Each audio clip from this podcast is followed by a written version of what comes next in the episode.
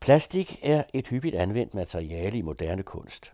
Hvis man har oplevet en gammel skummadras, der smuldrer, så kender man en af de udfordringer, der er, når det materiale bliver brugt i et kunstværk. Du lytter til Science Stories. Plastik i havet, plastik i naturen. Hvordan kommer vi af med plastikken? Når man hører om plastik i medierne, så handler det mest om plastik som affaldsprodukt. Men der er også en anden side af plastik, hvor man gør meget for at passe på den.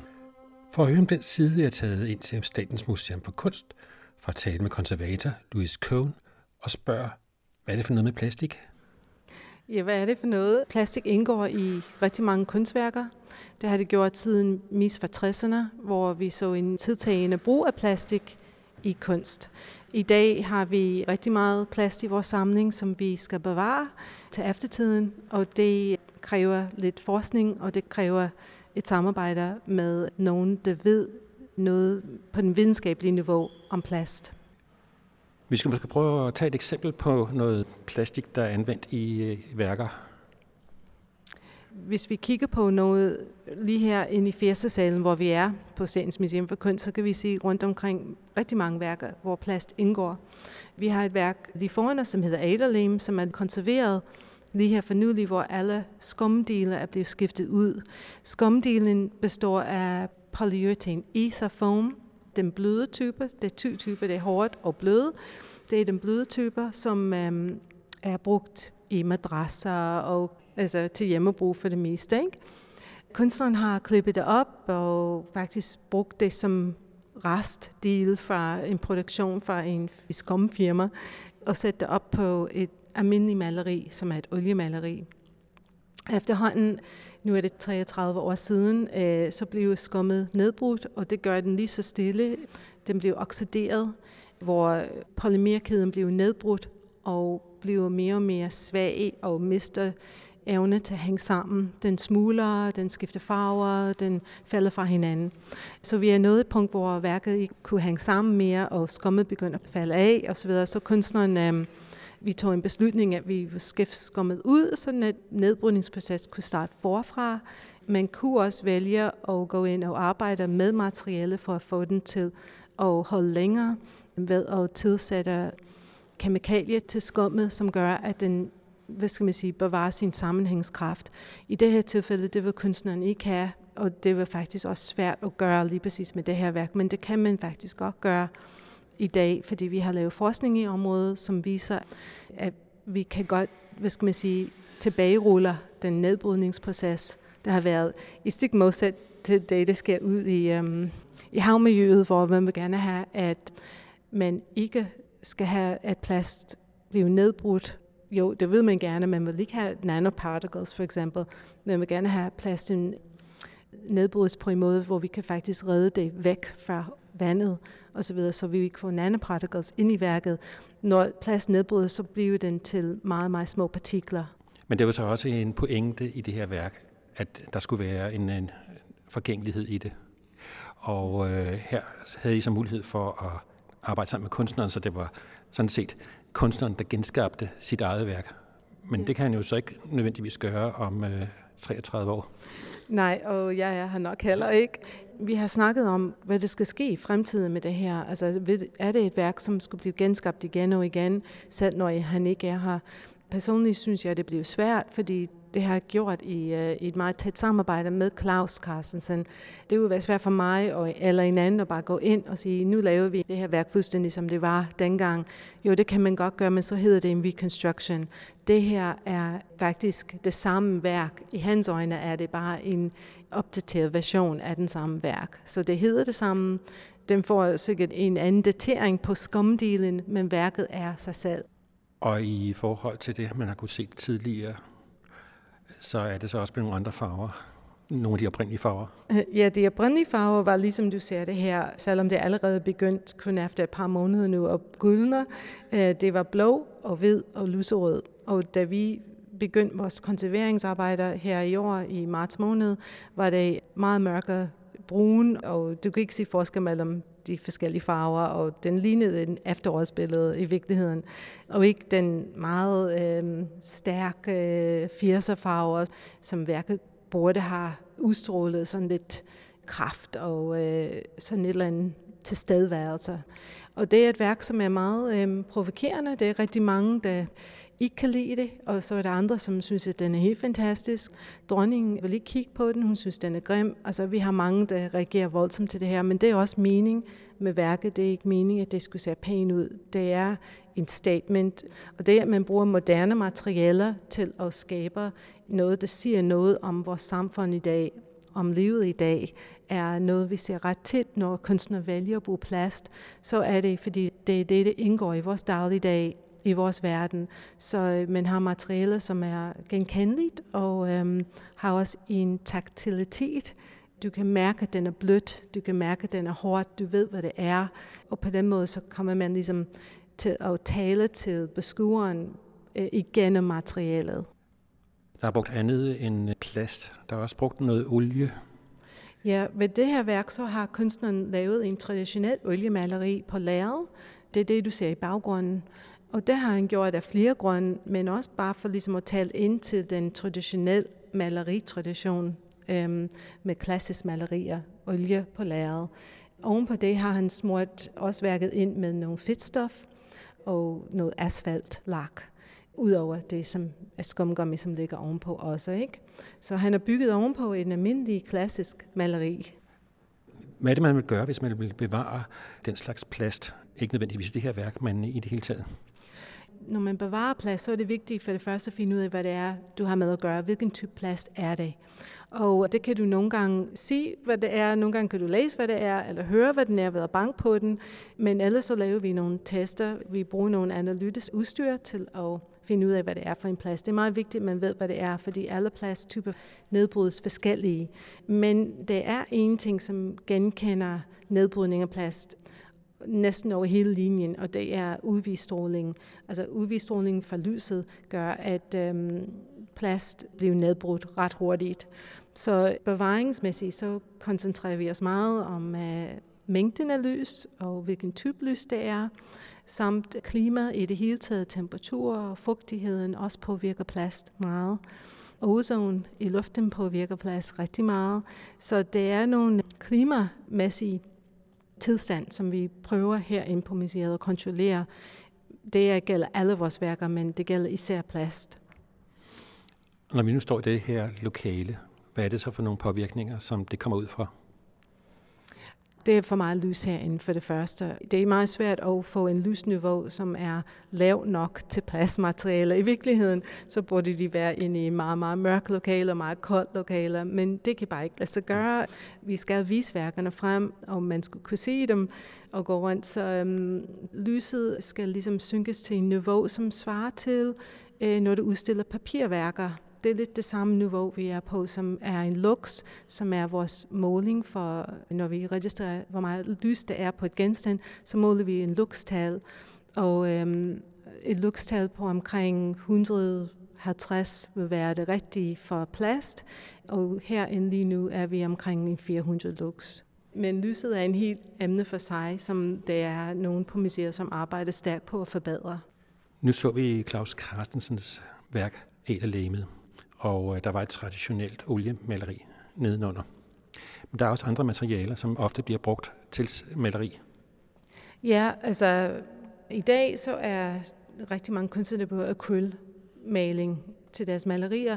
Akrylmaling er jo en plast, og i modsætning til at male med oliemaling, så har akrylmaling en øhm, fleksibilitet, og den tørrer hurtigt, og den har en meget mere spontant arbejdsgang, kan man sige.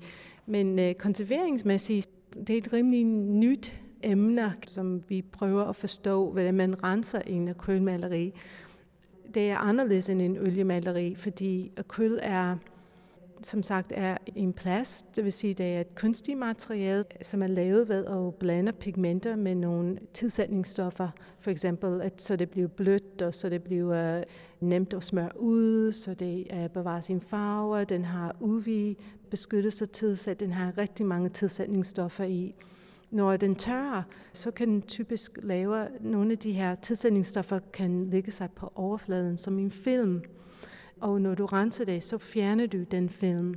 Og det kan være både godt og skidt, fordi når du fjerner det, så kommer det bare noget mere ud. Ikke? Altså, den har sådan en proces, hvor den bliver ved med at adskille sig med de tilsætningsstoffer, som den indeholder.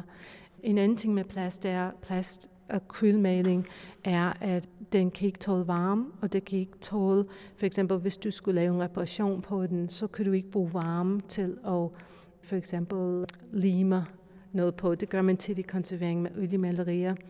Så vil du påføre et eller andet forstærkende øh, lim eller noget på maleriet, og måske tilsætte lidt varme til at få den til at være sammen.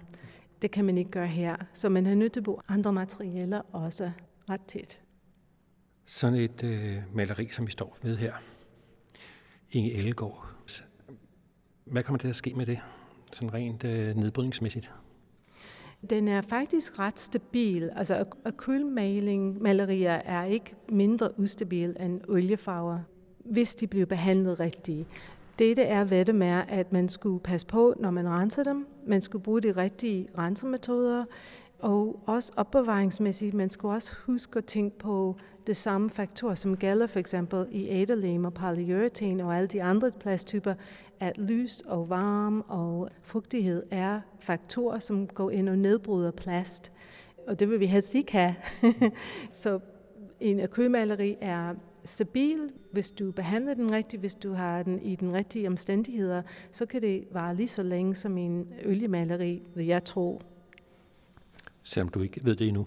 Selvom vi ikke rigtig ved det, fordi så mange år har det ikke været på banen. Øhm, man kan sige, at oliemaleri har vi stor erfaring med. Der har vi ikke med kølmalerier. Vi kan bare se, at det virker stabilt lige nu hvor du har et værk for eksempel, som har nogle år på banen, hvor det er ingen synlige forandringer endnu. Men det kan godt være, at forandringer er ikke synligt ved øjet, så det kræver ligesom, at man kigger lidt nærmere på materialet. Men man kan sige, at en stor faktor, som kunstnere nogle gange er opmærksom på, og nogle gange ikke er opmærksom på, er hvilket materiale de bruger, fordi det er stor forskel i kvaliteten i akrylmaling. Så nogle har pigmenter, som er lystfast, som har en god kvalitet materiale som udgangspunkt. De holder længere, de har en bedre levetid end dem, som er billigere og er fuldt med tilsætningsstoffer. Men det med, at I ikke har den samme erfaring, som man har med de gamle materialer, det gør I også noget ved med noget kunstigt nedbrydning. Ja, vi laver forskningsprojekter omkring moderne materialer for at finde ud af, hvordan tingene nedbrydes, hvad vi kan gøre for at forhindre det, og bare for i det hele taget at forstå materialet bedre.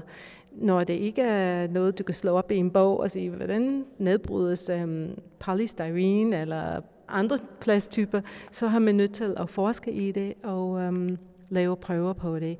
Og det gør vi så her i, vi har lavet forskellige forskningsprojekter, som handler om det her om bevaring af plastmateriale. Og så fremskynder I nedbrydningen, så man kan se det lidt hurtigere end bare sidde og vente. Ja, vi har lavet et stort forskningsprojekt omkring polyurethane i forbindelse med øh, udskiftning af skummet med aderlem, hvor vi har lavet kunstig aldning på polyurethane for at se, hvordan den nedbrydes ved tiden, men også så vi har nogle prøvematerialer, så vi kan teste, som vi kan tilsætte konsolideringsmidler, som vi kan lave forskellige stykprøver på og øh, skære op og tilsætte forskellige konserveringsmidler for at se, hvordan den reagerer og blive fotograferet øh, under mikroskopet i en hav af forskellige analytiske udstyr. Så i praksis, så kan I lave en øh, konservering, og så kan I se, hvordan det ville have set ud om 50 år. Ja, det er det, vi prøver på. Altså kunstig aldning er en god måde at gøre det på. Det vil aldrig være det samme som en naturlig aldningsproces. Du kan fremskyde processen, men i virkeligheden så er det det, som er meget værdifuldt for os, er værker og genstande, som har forældet naturligt. Fordi det kan du bedre se, hvad det faktisk sker. Skulpturer kan også være lavet af noget plastmateriale. Det kan det nemlig. Det er rigtig mange kunstnere, som bruger glass fiber reinforced polyester. Det har ikke en rigtig god dansk oversættelse. Det hedder bare glass fiber reinforced polyester. Og det, det er, er polyester, som er en plastmateriale, som i det her tilfælde er som en resin, det vil sige, det flyder i flydende tilstand. Når du kombinerer det med glasfiber, så får du en meget stærk og meget fleksibelt eller formmæssigt fleksibelt substans, som du kan støbe og lave alt muligt forme af. Altså det er også faktisk det, de bruger til at lave både og andre designmøbler især, og, og kunstnere har brugt det her materiale i meget lang tid, i mange, mange år nu, og det er rimelig stabilt indtil det øjeblik, den går i stykker.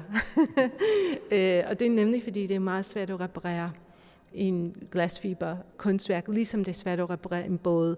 Når det er gået hul i det, så kan man godt, altså, men det kræver, at du ligesom øhm, laver en reparation, hvor du bruger lidt af det samme materialer, og det er rigtig svært at gøre herinde som konservator, fordi noget af det her materiale er ret farligt faktisk at arbejde med, og vi har et højt sikkerhedskrav til, hvad det er, vi må gøre og ikke gøre. Polyester resin er en lidt er en industriel substans, ligesom alle de her materialer er. De findes ud i det virkelige verden, og nu har vi den her inde på museet. Og øh, når vi skal reparere det, så skal vi enten finde metoder, som er mere konservatorvenlige, eller skal vi bruge det samme materiale, som kunstnerne har brugt. I hvilket tilfælde, nogle gange kalder vi også på kunstnerne og siger, har du lyst til at komme ind og fortælle lidt om, hvordan du har lavet det her, eller lavet den selv. Vi står også her ved et andet værk, som egentlig ser ret stabilt ud. Christian Lemmerts afasi 1. Det er også skrøbeligt. Ja, det er også en polyuretan. Det er bare den hårde version af polyuretanskum. Det vil sige, det er materiale, du bruger derhjemme, når du skulle isolere din væg. Det er det, som bliver sprøjtet ind i hjemmet, når du skulle have varme øh, imellem paneler. Det er polyuretanskum. Det her værk er fra 86, 1986, og dengang den blev lavet, var det ligesom polyuretanskum er, helt hvid. Og nu er det mørkebrun, nærmest sort at se på samtidig med, at meget af overfladen er blevet så sprødt og glasagtig, at hvis du rører ved det, så drysser det bare af. Den øh, bliver eksponeret på rigtig mange lux, altså rigtig meget lys, og den her nedbrydningsproces, som sker med plast, og det gælder for alle plasttyper, når den først er begyndt, så kan du ikke stoppe det. Altså, det er en kædereaktion. Så processen er sådan, at det her bliver mørkere og mørkere og mørkere, den har en liv, du kan nærmest se, hvor den er i sin livscyklus, ved at sige, hvilken farve den har. Men hvad skal det så ende med? Der var en museumsdirektør, som gerne ville øh, af med Claus Carstensens værk, fordi det alligevel blev nedbrudt. Er det det, man skal gøre med den slags værker? Ja, nu er du inde i et meget svært spørgsmål. Nej, det synes jeg ikke, altså, fordi vi kan gøre noget ved det. Problemet er med et værk som den her, øh, som er meget, meget mørk og brun løbet er kørt for den. Altså, vi kan ikke redde den nu. Den proces er i gang, og den kan ikke laves om. I forhold til Adeline, hvor kunstneren har valgt at lave om de dele af værket, som er ved at gå til. Det her værk er et ekspressivt værk, som er meget personligt for kunstnerens hånd den har en lidt anden karakter. Hvis du tænker på værker, hvor man siger, ej, skal vi overhovedet købe plastmateriale? Hvor længe kan vi have den i vores samling osv.? Kan det betale sig for eksempel at købe et kunstværk lavet af plast? Så vil jeg sige, ja, det kan godt betale sig, men man skal også vide, hvad det er, man køber. Man skal forstå, hvad det er, det kræver af et museum at vedligeholde den og opbevare den på en rigtig måde, så man øger sin levetid. Og det er mange konserveringsmæssige ting, vi kan gøre for at hjælpe dem på vej. Men det kræver, at hele organisationen afspejler det samme um, interesser, og at det afspejler en vilje til at gøre noget ved det. Og det er så en vilje, som ikke bare skal være lige en enkelt direktørs tid, men noget, der er kontinuerligt. Ja, det er det, fordi altså, smag og behag, altså, det skiftes, altså, hvad folk synes er vigtigt eller ikke vigtigt. Så det er ikke det, der skulle bestemme, hvorvidt dit værk skal overleve eller ej. Vores arbejde er noget, som er meget fremtidsorienteret, og øh, bevaring er jo det, at vi prøver at behandle alting ens eller lige, øh, og sige, at prøver ikke at lave en vurdering af det her med at være en anden, selvom det er nogle ting i samlingen, som er EMB-værker, som er værker af indestående national betydning, ligesom Aderlame er, hvor man har en ekstra forpligtelse til at bevare det, selvom bevaring er i sig selv en rigtig svært og i nogle tilfælde uopnåelige mål. Noget vi også kender fra det hjemlige, det er PVC, og det indgår også i værker. Ja, PVC er et materiale, som er blevet rigtig meget brugt af kunstnere, helt tilbage fra 60'erne. Du kan finde det i to forskellige typer. Hård PVC eller blødt PVC. Det her er en blødt PVC-type, hvor du har for eksempel 50% blødgør i. Blødgør tilsætter man PVC for, at den ja, bliver blødt og fleksibelt. For eksempel et par gummiståler har omkring 50% blødgør i, bare for at give noget til hverdagen sammenligning. Vi står foran et værk som øh, af Thomas Saracino, som hedder Biosphere fra 2009. Og den er lavet af blødt PVC, som er spændt som er sådan en PVC-bolde, som er ind i en, øh, med nogle net omkring sig, som bliver spændt ud. Og øh, han lavede de her biosfærer, som er en slags alternativ måde at leve på. Altså det, det er endelig lavet som nogle gange med planter i, hvor man kan, kan bo ind i dem, altså som sådan, ikke? Sådan en fremtidsby. Vi har en her i vores samling, og man kan sige med PVC, en af de store udfordringer er, at det blødgør, som bliver brugt til at lave det fleksible PVC, indeholder talater. Og talater kan være lidt farligt at arbejde med, og vandre ud til overfladen af PVC-plast ved tiden. Den her plasttype er lidt ligesom en slags spaghetti, hvis, hvis du kiggede ind i det som polymerkæder, som ligger lige i linje, men så ligger det nogle blødgør imellem dem, og det blødgør uvandrer til overfladen ved tiden, når den bliver nedbrudt, og ligger som en lag på det yderste lag af plastik. Det gør, at materialet bliver mindre fleksibelt og bliver sprødt over tiden, så vil den blive mere og mere sprødt og ende med at krakulere og få revner osv. Og du kan se, at den her har luft i, den er en inflatable, og det vil være en katastrofe for det her værk, hvis den fik en revner eller et hul, så kan den ikke holde luft mere, så, så er den ud af funktion. Og i sådan et tilfælde, så kan man prøve at lappe den, og så videre, eller kan man erstatte det med en helt nyt værk. Konserveringsmæssigt er det meget udfordrende, fordi den er gennemsigtig. Hvis du skulle lave en lapning på sådan et materiale, så vil du helst gøre det med en materiale, hvor du ikke, som du ikke kan se. Og det er der, hvor vi går ind og arbejder med værkets refractive index. Det vil sige, det er en indeks, hvor det sige, det matcher fuldstændig en til en. Det er der, hvor ting bliver usynlige. Hvis du har den fuldstændig samme refractive index, så kan du ikke se forskel på ting. Og hvis du har en refractive index, som er anderledes, så vil du kunne se en reparation, for eksempel en limning osv. Så, så vi prøver i det her tilfælde at matche refractive index så meget som muligt, så du ikke forstyrrer udtrykket af værket. Kan du konservere den på en måde nu, så det ikke kan ses? Både ja og nej. Jeg kan godt. Jeg kan godt lave en reparation på den, hvis jeg bruger den samme plast. Hvis jeg bruger en PVC-plast, som har den samme refractive index som det her, så kan jeg faktisk godt lave en reparation, som bliver mindre synlig. Men 100% usynlig bliver det ikke, fordi lige så snart som du bryder sådan et overflade, så kommer det en kant på. Og lige meget hvad jeg gør, så vil den kant altid være der. Og lige så snart som du bryder det her materiale, så begynder den også at nedbryde i det kantområde, hvor ild og hvor lyset kommer ind. Det er det, der er med plast, er, den er lynhurtig til at reagere til sine omgivelser. Så en lille revne kan blive til en meget stor revne meget hurtigt. Hvis du står med en kunstgenstand af plast, og laver en analyse af den, så må det jo så også være et ændret materiale, at der er sket nogle kemiske ændringer. Skal man egentlig ikke helst finde ud af, hvad det er for et materiale, før det er ændret? Ja, vi vil helst gerne vide, hvad det er for nogle plads, vi har i vores samling, inden det går galt. Fordi det er også nogle forudsætninger for, ligesom, hvor meget lys den kan tåle, og, eller hvor længe det må gerne blive i øh, udstillet, før den skal ned i mørket øh, og hvile sig lidt det er ikke altid muligt at lave analyser på alt, vi har i vores samling. Øh, og mange gange kan du se det på værket, at du ved, hvad det er for en plads, fordi det er meget tydeligt, hvad det er. Hvis det ikke er tydeligt, så vil vi helst gerne have den analyseret. Det er med at give værkerne pause og sætte dem væk. Hvad er det, der foregår der så? Stopper nedbrydning, eller hvad sker der? Den stopper aldrig. Altså nedbrydning er noget, som sker hele tiden, både i os og i værker og i det hele taget i verden. Men det vi kan gøre, er, at vi gør det mere langsomt, så vi kan gøre, at den For eksempel, hvis du kontrollerer lys og temperatur, du kan få værket til at øge værkets levetid med 200 år, for eksempel med at skue på nogle parametre.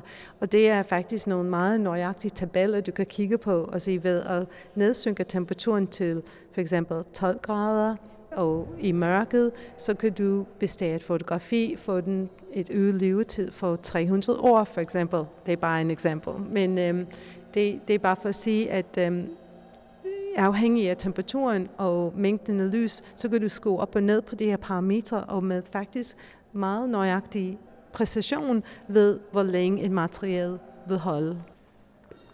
Så står vi ved en øh, kunstgenstand, som øh, mange vil kende. Ja, vi står i et værk af Claus Teil Jacobsen, som hedder Uden titel, Flamingoplade, Havestål, Mælkekasser, og den er fra 2013 det er jo en almindelig havestol, sådan en plaststol, som du vil have ude i din have. Og den står ovenpå en flamingoplade, som er ikke en rigtig flamingoplade, med en støbt flamingoplade i beton. Så det ligner flamingo, men det er det ikke.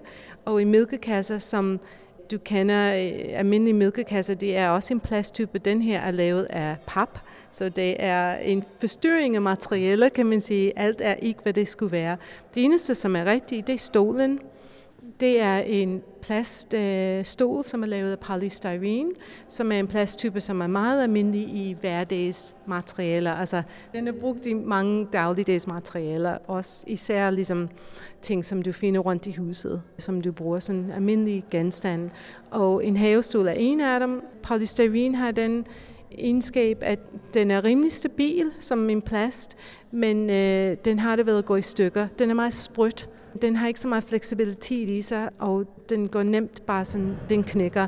Og hvis den går i stykker, så er det rigtig svært at reparere faktisk. Så det er ikke et plads, som man kan nemt sætte sammen igen, eller lime sammen igen. Men det sjove er, at det her almindelige havestol, som vi har i vores samling. Nu er det blevet til et kunstværk, og nu er det bare sådan en um, stol, som vi skal passe meget på osv.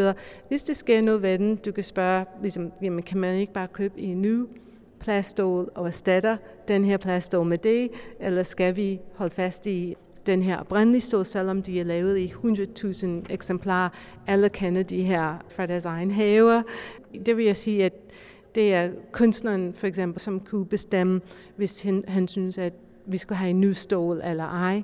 Jeg kan godt bevare den her stol et godt stykke af vejen, også fordi den er rimelig stabil, men mindre der kommer nogen og sidder sig i den, så kan det godt være, at det går galt. Men om 100 år, så er det jo ikke en mulighed at finde en tilsvarende stol formodning. Mm, det er rigtigt. Om 100 år, så er det helt klart øh, et problem. Jeg ved faktisk ikke, hvis den stol er her om 100 år. Jeg tror, dele af den er her, men jeg vil mene, at um, den vil begynde en nedbrydningsproces, selvom den er langsommere end det, vi har set i Adelaide, som er en meget hurtig nedbrydningsproces, hvor det går ligesom 30 år, så er værket færdigt. Det her kan sagtens holde længere, men det er ikke sikkert, at den ser ud, som det gør i dag. Så den udtryk, at den er et moderne værk, hvad skal man sige, det er et værk, som skulle signalere, her er jeg i min have, jeg sidder mig ned her, den værdi i forhold til, hvad den siger, rent kulturelt, kan være væk, eller i hvert fald mistet i forhold til nedbrydning af materialer. Hvad du kan gøre for ikke at få den nedbrudt? Det er ikke så meget, jeg kan gøre, men lige præcis det her, ligesom de andre værker, det eneste, jeg kan gøre, er øh, beskytte den måde, at den får øh, ikke så meget lys, og at den ikke bliver eksponeret for længe, at den ligesom bliver sat i opbevaring i regelmæssigt, sådan at den kommer ned i mørket, at den bliver opbevaret i kølige osv. Det er det eneste i virkeligheden, jeg kan gøre lige nu. Det er nogle gange, hvor vi arbejder med plastmateriale, hvor du kan tilsætte eller smøre den ind i en slags solcreme. Ligesom når vi går ud i solen, så vil vi ikke blive brændt af solen, så har vi øh, UV-beskyttelse. Det er lidt det samme, vi kan gøre med vores kunstværker. Så det snakker vi også meget om og laver forskning i, hvordan vi kan påføre for eksempel en film. Du vil ikke kunne se det, men det vil ligesom bekæmpe UV-strålinger. Alle plastmaterialer har UV-beskyttelse ind i det som en tilsætningsstof, men den udløber efter cirka fem år. Så er den brugt op. Den har levetid, ligesom tilsætningsstoffer har i det hele taget, så har UV-beskyttelse også et levetid. Men det kan vi påføre igen, men det bliver som en lag på det genstand, man har. I plastmaterialer er der så også en indbygget kunstig forældelse fra industriens side? Det kan du tro. Det er et stort problem. Kunstværker lavet af plast, det var aldrig meningen, at det skal blive brugt til det her formål. Og når du kigger på databladet omkring plastmaterialer, så har de lavet nogle øh, prøver på materialer, hvor de siger, jamen det kan godt holde i fem år, for eksempel, eller 10 år. Men det er aldrig meningen, at det skal holde i 100 år, eller 200 år, eller 500 år. Den indbyggede nedbrydning er så, at produkter går hurtigere tid, så folk vil købe flere produkter. Det har man set fra alt fra nylonstrømper til skål, du køber i supermarkedet. Den viden, der skal til for, at ting kan holde længere, er der, men de vælger bare ikke at bruge den, fordi de vil gerne sælge deres produkter, det er klart. Den viden om, hvordan man kan få tingene til at blive nedbrudt, som industrien har, er det så også en, I kan bruge modsat til at få noget bevarelse af det? Altså ikke rigtigt, fordi de arbejder med nogle helt andre parametre. Når de tester, så er det på øh, helt nye materialer, så er det også ting, som bliver brugt efter vejledning. Når vi arbejder med kunstnerens værker, så er det typisk ting, som er blevet forandret, som er blevet brugt på en anderledes måde, end det, som industrien har tænkt, at den skal bruges til. Så databladene bliver jo ligesom ugyldige i det øjeblik, hvor du ikke anvender produktet, som den er tænkt. Vi har snakket om skulpturer, vi har snakket om malerier, men øh, der er også nogle andre steder, hvor vi kommer til at se noget plast. Ja, det er det.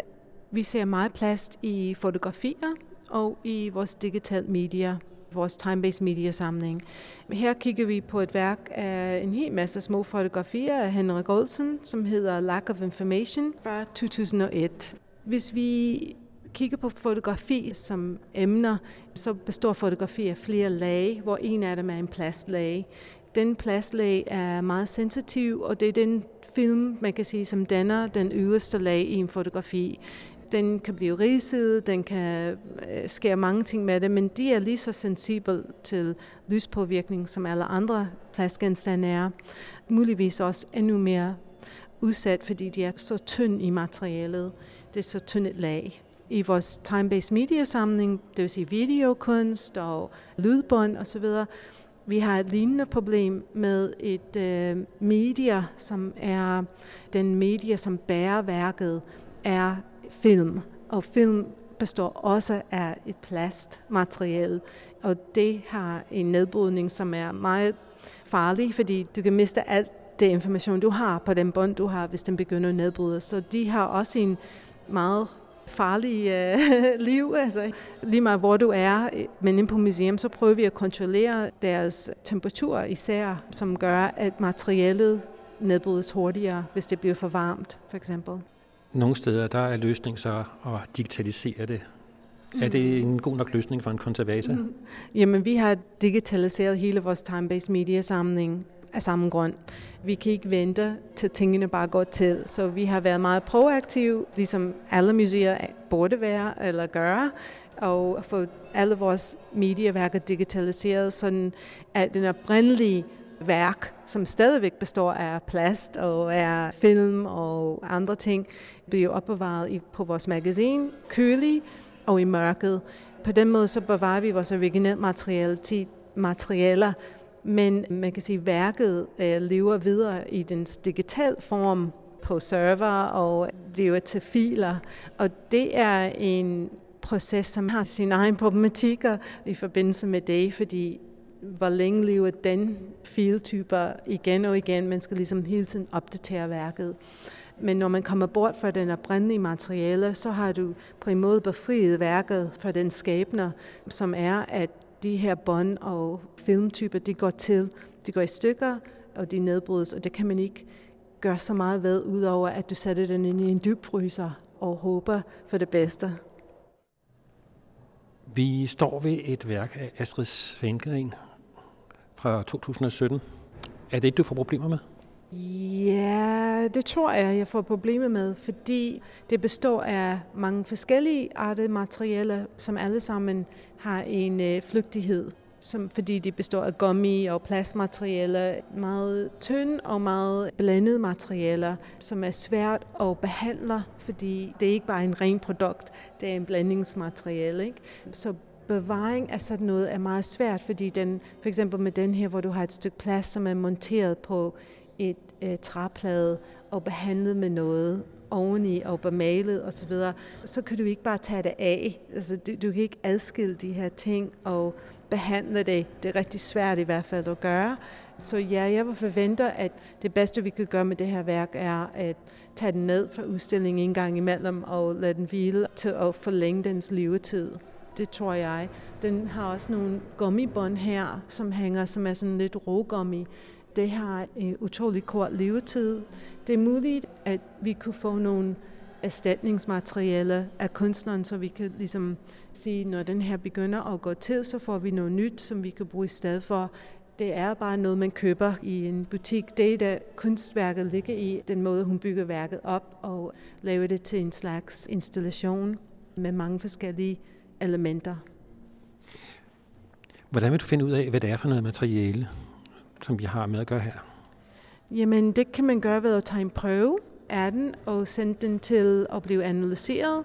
Øh, vi bruger noget, som hedder FTIR, som er en analytisk metode, som kan give en pegning på, hvad det er for et materiale, man har med at gøre.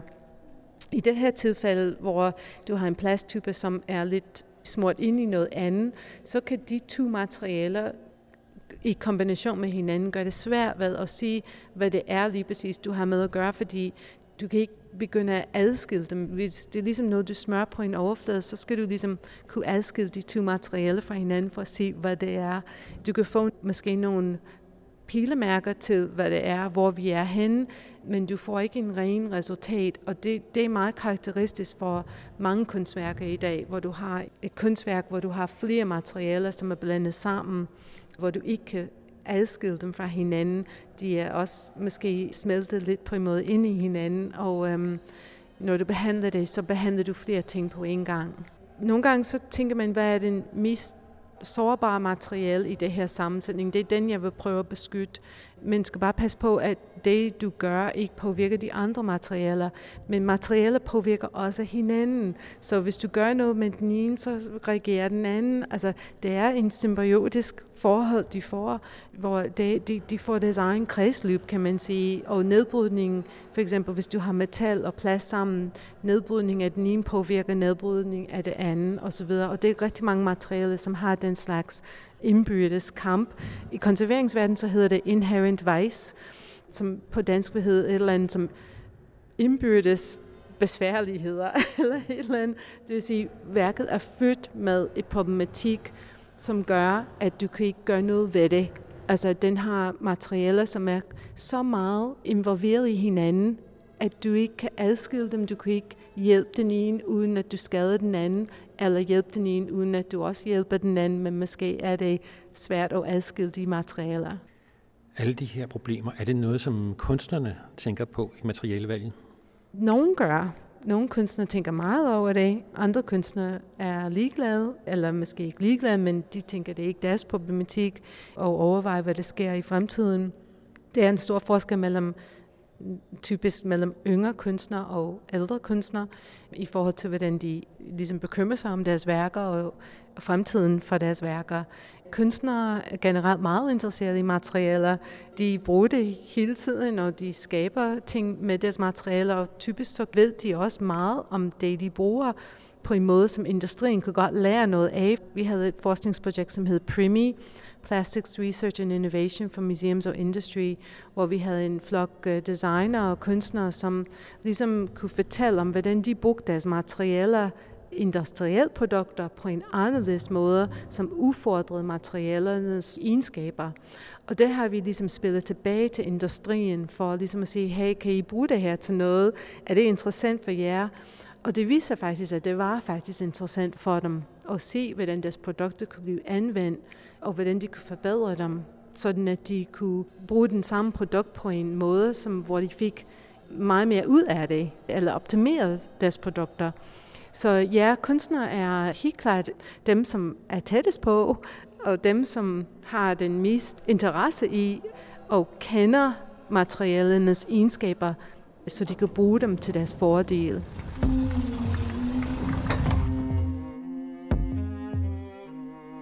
Det var Louise Kone, der blev interviewet af Henrik Moral i et indslag fra Science Stories.